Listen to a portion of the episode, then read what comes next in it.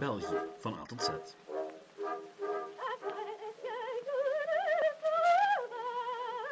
Welkom bij België van A tot Z. En welkom bij de tweede aflevering gewijd aan letter K. K van koning. Vorige aflevering hielden we ons vooral bezig met verklaren waarom België überhaupt een koning heeft en waar deze vandaan kwam. Vandaag hebben we het eerder over hoe die Belgische monarchie eigenlijk in elkaar zat en wat er in 1830 wel te verstaan zo speciaal aan was.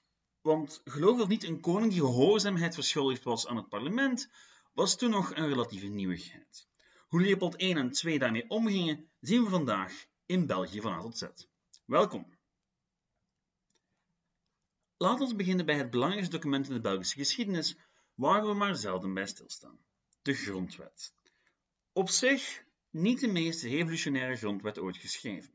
Tijdens de Franse Revolutie waren er gelijkaardige en radicalere, maar die gingen zelden langer mee dan een paar jaar.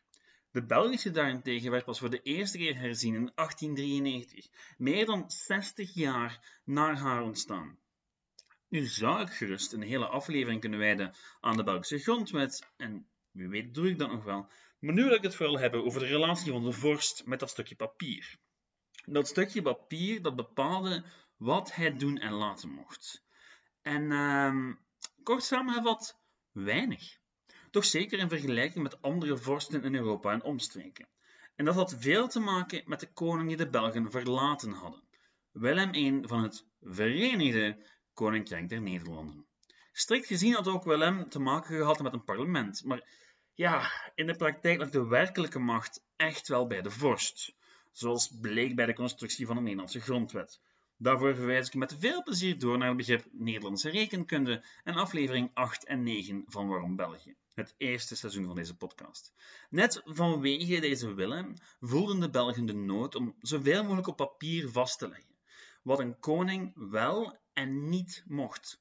En natuurlijk ook welke rechten de Belgen precies hadden. En het resultaat was een synthese van Franse, Britse en Nederlandse wetteksten, maar met een heel specifieke twist. Volkssoevereiniteit zoals bij de Fransen, liberale staatsinstellingen zoals bij de Britten en een heleboel rechten die elders op dat moment niet op papier stonden.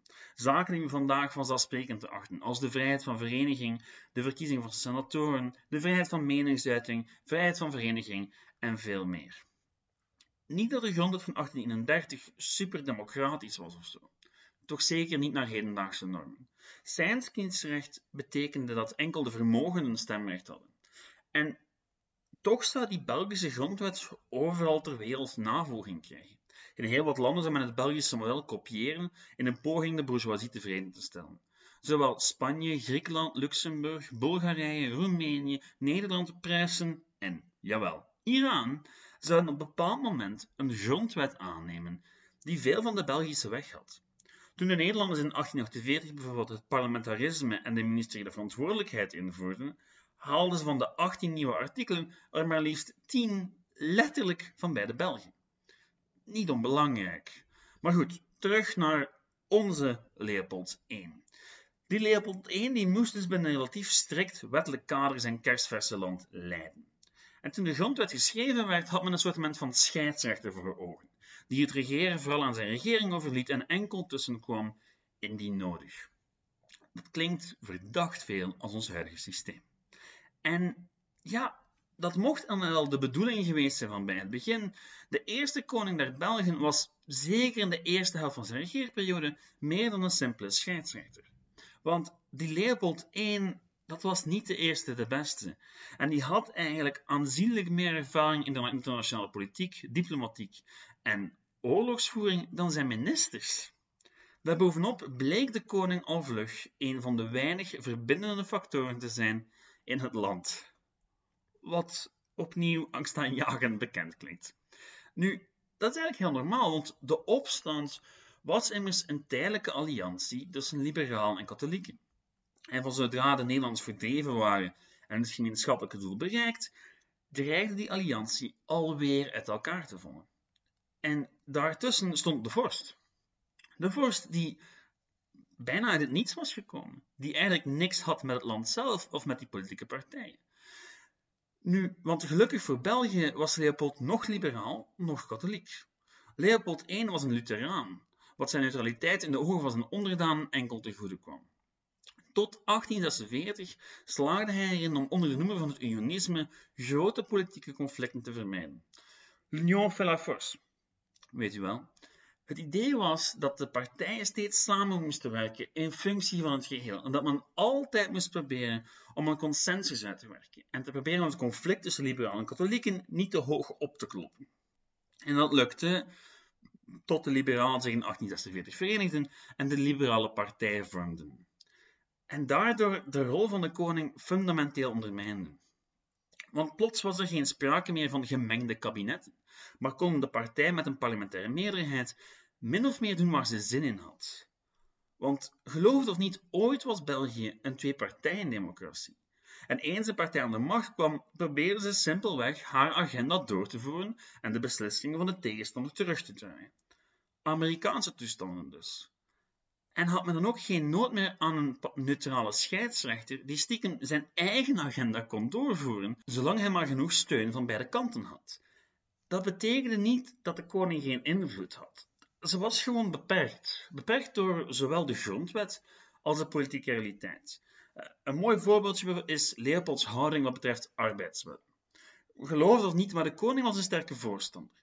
En tijdens zijn regeerperiode ontwikkelde België zich op een razendsnel tempo tot een industriële grootmacht, wat leidde tot een grote arbeidersbevolking die maar weinig politieke bescherming genoot, en zich dus begon te organiseren, wat de koning en andere leden van de gevestigde orde heel erg verontrustte.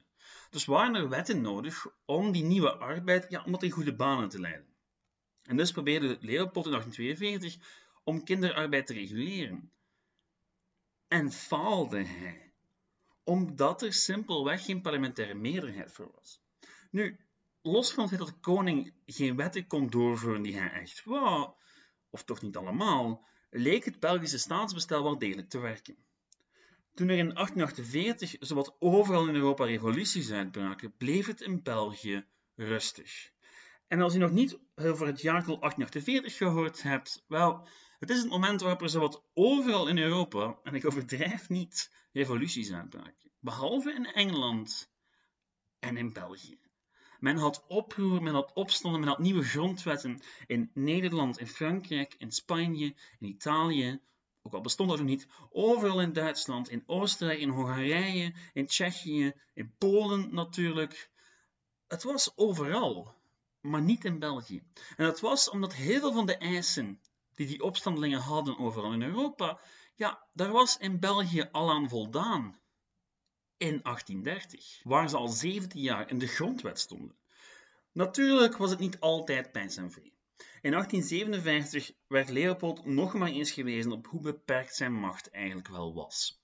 Tot zijn grote vreugde had hij in 1855 nogmaals een unionistische regering gevormd, met een zekere Pierre-François de Dekker aan het hoofd. Een regering die in, die in 1857 op spectaculaire wijze uit elkaar spatte, toen de Dekker de kloosterwet introduceerde in het parlement. Wat ons brengt tot de kloosterwet. Een wet die heel veel politieke gevolgen had en die ik totaal vergeten was. Maar goed, een korte blik in een van mijn boeken leerde dat de kloosterwet een wet was op de liefdadigheidsinstellingen. Concreet, om die toe te vertrouwen aan de kerk. Dus dat, dat zou dus willen zeggen dat de armen, die nood hadden aalmoezen en dergelijke, dat die rechtstreeks bij de kerken zouden aankloppen en dat de kerken en de kloosters ook heel veel gunsten daarvoor zouden mogen aannemen voor dat liefdadigheidswerk.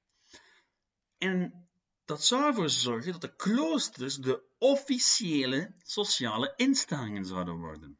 En uh, ja, dan is er natuurlijk geen sprake meer van een strikte scheiding tussen kerk en staat.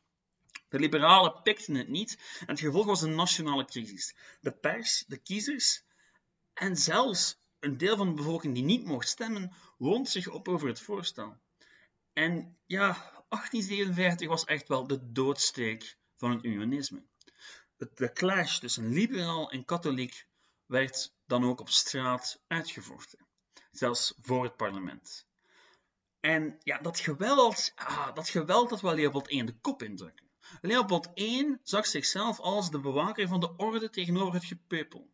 En in zijn hoofd had het parlement beslist. De regering had iets beslist en dat moest uitgevoerd worden. Dus wou Leopold de opstand de kop indrukken. Hij wou een staat van beleg uitroepen en had daarvoor het leger al naar Brussel geroepen, in de veronderstelling dat de ministerraad hem volgen zou. Of zoals hij het zelf verwoord zou hebben, ik zal te paard rijden als dat nodig is, om de nationale vertegenwoordiging te beschermen. Ik zal niet toestaan dat de meerderheid verontwaardigd is. Ik zal deze schurken verpletteren. Maar de dekker, ja, die wou het zover niet drijven. Hij liet de wet vallen en bood het ontslag van zijn regering aan. Wat Leopold de volgende ferme uitspraak ontlokte. Ik was het niet die hen in 1857 in de steek liet, maar zij waren het die mij in de steek lieten. Ik, ik was klaar om te paard te rijden. Ik zou niet hebben ingezakt. Ze lieten me achter in aanwezigheid van wanorde. Ze reduceerden me tot het toegeven aan wanorde en niemand kon begrijpen hoe diep een soortgelijke vernedering was.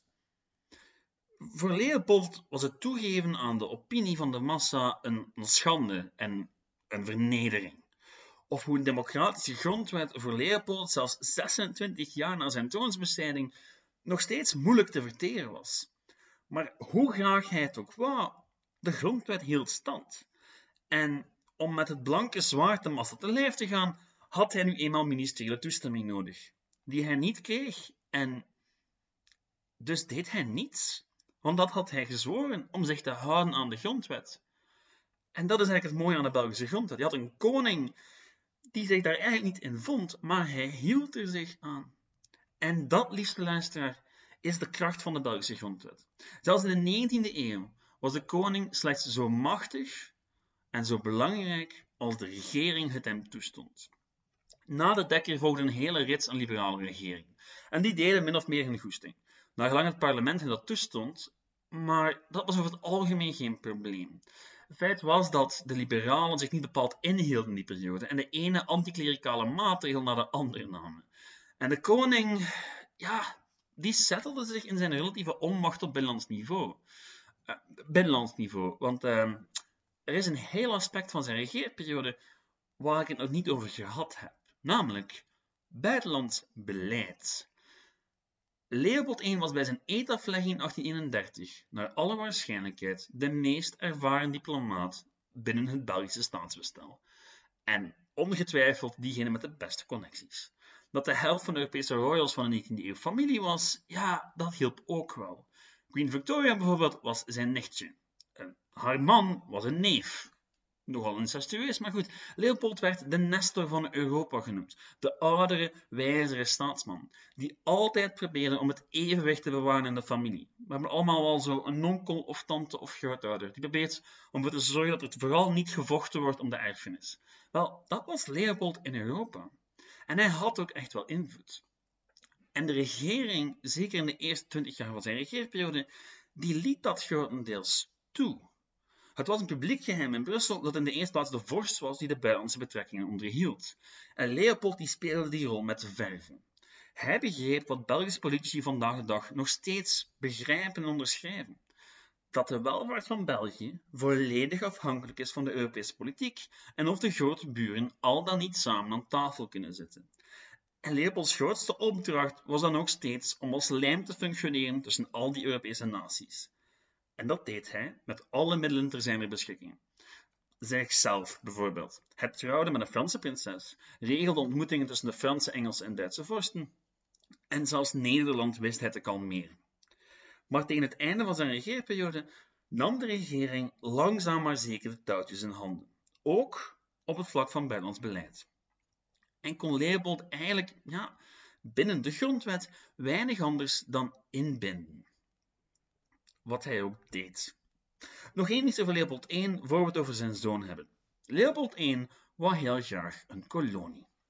Net als zo'n lief zag Leopold I een kolonie als noodzakelijk voor de nieuwe staat. En, opnieuw, net als zo'n lief, ging hij zelf met eigen middelen op zoek. Het ene project naar het andere werd voorgesteld en het ene project naar het andere mislukt. Of het nu in West-Indië, Nieuw-Zeeland, de Filipijnen of Guatemala was. Eh, er was ook nog een korte excursie naar Mexico, maar dat is een ander apart verhaal waar ik het ook nog wel eens over heb. Toen Leopold I uiteindelijk overleed in 1865, was de leiding van het land wel degelijk in de handen van de regering.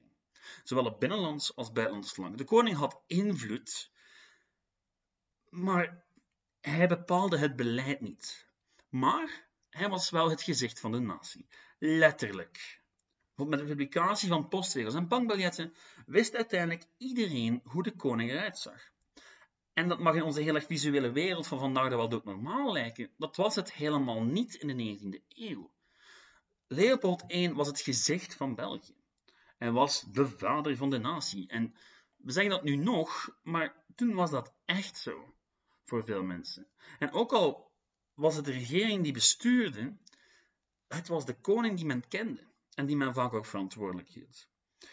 Na zijn dood was het nieuw gezicht van de natie Leopold II. En ja, ook aan Leopold II zou ik een heel aparte aflevering kunnen wijden. Maar eigenlijk heb ik dat al gedaan, namelijk de aflevering over Congo-Vrijstaat. Toegegeven, die ging vooral over Congo, maar laat ons eerlijk zijn, dat is het voornaamste waar we Leopold II mee associëren. En terecht, denk ik dan ook. Want eigenlijk heeft hij weinig meer gedaan dan dat. Oké, kort door de bocht, ik weet het. Maar toen Leopold II de troon bezette in 1865, was zowel de regering als het volk gewoon geraakt aan de koning als het gezicht van de natie. Niet zozeer meer als actieve scherprechter, zoals Leopold I aan het begin van zijn bewind was. En, en Leopold II die, die leek dat oké te vinden. Hij zou gezegd hebben: Ik wil een zeer constitutionele koning zijn, omdat ik ervan overtuigd ben dat België zijn welvaart en veiligheid te danken heeft aan het constitutionele regime dat zo goed functioneert. Dus ja, het Koningshuis maakte heel wat mee tijdens Leopold's regeerperiode. Uh, een heleboel kroonopvolgers stierven met ongevallen ziektes en dergelijke. Maar, oh, en er was ook een aanslag op het leven van Leopold II. Maar de rol van de monarchie binnen de staat, ja, die leek ondertussen wel een steen gebeiteld te zijn. En niemand wou er ook aan raken. De politieke situatie was wel degelijk gewijzigd. Er was een derde politieke partij, de gedaante van de Belgische Arbeiderspartij. Het algemeen mannenkiesrecht was ingevoerd en België veranderde en groeide constant tijdens Leopolds heel lange regeerperiode. Maar het was allemaal vooral een zaak van de regering en veel minder van de koning. Die koning die hield zich vooral bezig met zijn kolonie en de opgedane winsten daarvan. Winsten die geïnvesteerd werden in België. Leopold II was een investeringsfonds helemaal op zichzelf. Als hij iets wou veranderen, ja, hij vroeg het niet aan de regering, hij stak er zijn eigen geld in vaak. Denk maar aan het Brusselse Justitiepaleis, de Antwerpse Zoo, uh, Oostende, toch een groot deel ervan. Heel veel zaken, heel veel infrastructuur die we vandaag de dag nog gebruiken, zijn gebouwd met het geld van Leopold II, dat hij zelf uit Congo haalde natuurlijk. Congo. Nu goed, wie daar meer over wil weten, verwijs ik graag door naar mijn aflevering over Congo-Vrijstaat. Hoewel er onder Leopold II heel wat belangrijke wetten goedgekeurd werden, lijkt het er niet op dat hij echt woog op het beleid, zoals zijn vader in het begin van dit bewind. Leopold II was een Belgische koning binnen de grenzen van de grondwet. En het is altijd heel moeilijk te, weten welke wetten hij zelf door duwen en welke wet hij gewoon tekende omdat het, zijn omdat het zijn plicht was als koning van België. Natuurlijk, het is een beetje moeilijk om grip te krijgen op hem, omdat hij regeerde tijdens een periode van vrede. Er was geen crisismoment waarop hij de teugels in handen kon nemen. Volgende week hebben we het over het trio Albert I, Leopold III en Boudewijn I. En dan gaan we wel wat crisismomentjes krijgen. En gaan we wel zien hoe die Belgische grondwet zich dan ophoudt en of de koning dan wel buiten de grondwet gaat handelen. Maar dat is voor volgende week. En dan beëindigen we dit wat ongestructureerd overzicht van het Belgische Koningshuis. Vooraleer ik, afscheid van u neem, zou ik graag in de tijd nemen om alle mensen te bedanken die de Facebookpagina geliked hebben. Eh, dat wordt heel erg geapprecieerd, net als reviews op iTunes. En omdat ik de Facebookpagina graag een duwtje in de rug zou geven, stel ik vanaf, vanaf deze week elke week een vraag. Uh, er is geen prijs, ik doe het allemaal zelf, ik heb absoluut geen geld. Um, maar er is wel een vraag en die kan u beantwoorden op de Facebookpagina. Die Facebookpagina is Geschiedenis van België. En de vraag voor deze week is: Wie is de belangrijkste koning in de Belgische geschiedenis? Heel simpel. De vraag staat op Facebook, Geschiedenis van België. En daar kan u beantwoorden en discussiëren. Iets wat ik heel erg aangenaam zou vinden. Tot volgende week en bedankt voor het luisteren. Ciao!